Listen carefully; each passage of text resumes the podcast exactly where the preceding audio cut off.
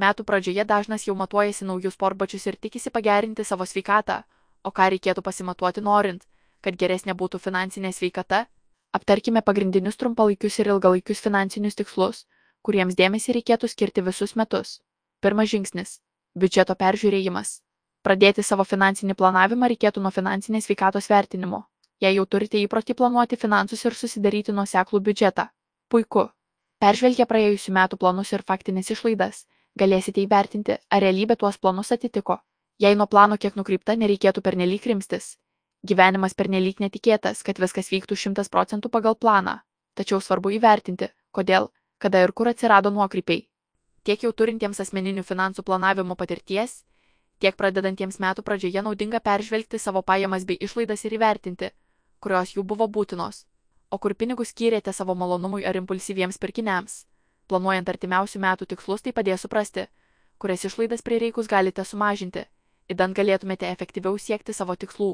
Atkreipę dėmesį į išlaidas, kurios buvo netikėtos ir gal netgi sukėlė nerimą ar nepatogumus, galite priimti sprendimus, kaip pasiruošti netikėtumams planuojant savo finansus ateityje.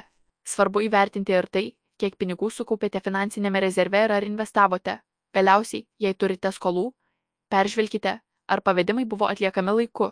Jei mokėjimus praleidote ir dėl to teko mokėti dėlspinigius, apsvarstykite, kaip to galėjote išvengti.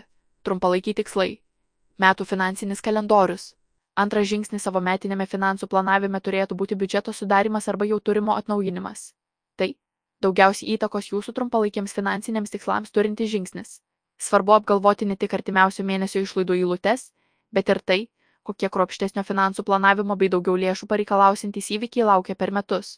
Tarp tokių finansinio kalendoriaus datų - atostogos, gimtadieniai, vasaros švenčių sezonas, turint mokyklinio amžiaus vaikų, apsipirkimas mokyklai, o studijuojant valstybės nefinansuojamoje vietoje, įmokos už studijas. Galiausiai be abejo ir didžiosios metų šventės. Tie metų mėnesiai, kuriuose į kalendorių įrašytos jūsų numatytos šventės ar kelionės, bus tikrai brangesni nei įprasta, todėl tam verta ruoštis iš anksto. Todėl įsivertinkite, kokių išlaidų jie pareikalaus bei numatykite, kokią sumą taupymui reikėtų atidėti kiekvieną mėnesį, kad be finansinės įtampos pasitiktumėte lauktą šventę ar kelionę. Na, o tuomet kiekvieno savo mėnesio biudžete greta išlaidų įlučių maistui, būstui, transportui įrašykite ir taupimą norimiems tikslams. Beje, jei praėjusiais metais finansus iš pusiausviros išmušė netikėtas automobilio gedimas ir dėl to padidėjusios išlaidos, nepamirškite atstatyti tam panaudoto finansinio rezervo, o jei jo neturite, verta jį įsirašyti į šių metų finansų kalendorių netikėtai padidėjus išlaidoms ar sumažėjus pajamoms savo tikrai padėkosite. Ilgalaikiai tikslai - tvarūs finansai ir pasiruošimas ateičiai. Ilgalaikiai tikslai vaidina reikšmingą vaidmenį užtikrinant stiprią finansinę sveikatą. Jei dar neturite išsikėlę ilgalaikių tikslų, pirmiausia turėtumėte įsivardinti, kokie jie yra. Pavyzdžiui, būsto įsigijimas, vaikų išsilavinimas ar komfortiška senatvė. Pagalvokite, kiek jie kainuos ir kiek reikia atsidėti kas mėnesį, kad juos pasiektumėte. Taupimas Norint užsitikrinti gerą finansinę sveikatą, taupimas svarbus tiek trumpalaikėje, tiek ir ilgalaikėje perspektyvoje. Jei, pavyzdžiui, turite tikslą įsigyti būstą, svarbu nusimatyti, kiek turėtumėte sukaupti pradiniam įnašui bei apskaičiuoti, per kiek laiko yra realu šį tikslą pasiekti bei kiek kas mėnesį turėtumėte atsidėti pajamų. Investavimas. Pasidomėkite investavimo galimybėmis atsižvelgdami į savo tikslus, laiko perspektyvą ir rizikos toleranciją. Galbūt būtent investavimas galėtų padėti pasiekti ilgalaikių finansinių tikslų. O jei jau turite patirties investavime, peržiūrėkite, kaip jums sekėsi. Galbūt vertėtų iš naujo apsibriežti savo investavimo strategiją. Senatvės pensija. Įvertinkite, ar pakankamai ruošiate savo senatvėjai. Peržiūrėkite, kiek šiuo metu skiriate senatvės pensijai ir kokia graža prognozuojama. Kaupimas antrosios pensijų pakopoje yra pirmas ir labai svarbus žingsnis link labiau finansiškai aprūpintos senatvės. Tačiau tam, kad pavyktų sukaupti didesnę sumą. Verta jau šiandien pagalvoti apie papildomą kaupimą trečiosios pakopos pensijų fonduose ar investuojant savarankiškai.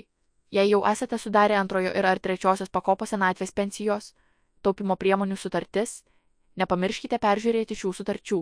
Įsitikinkite, ar tai vis dar atitinka jūsų poreikius, asmeninius finansus bei išsikeltus tikslus. Skyrus laiko refleksijai, tikslų išsikelimui bei planavimui, svarbu nepamesti šių planų. Finansų planavimas yra procesas, prie kurio nuolat rekomenduojama sugrįžti. Stebėkite, ar pavyksta finansus valdyti pagal planą.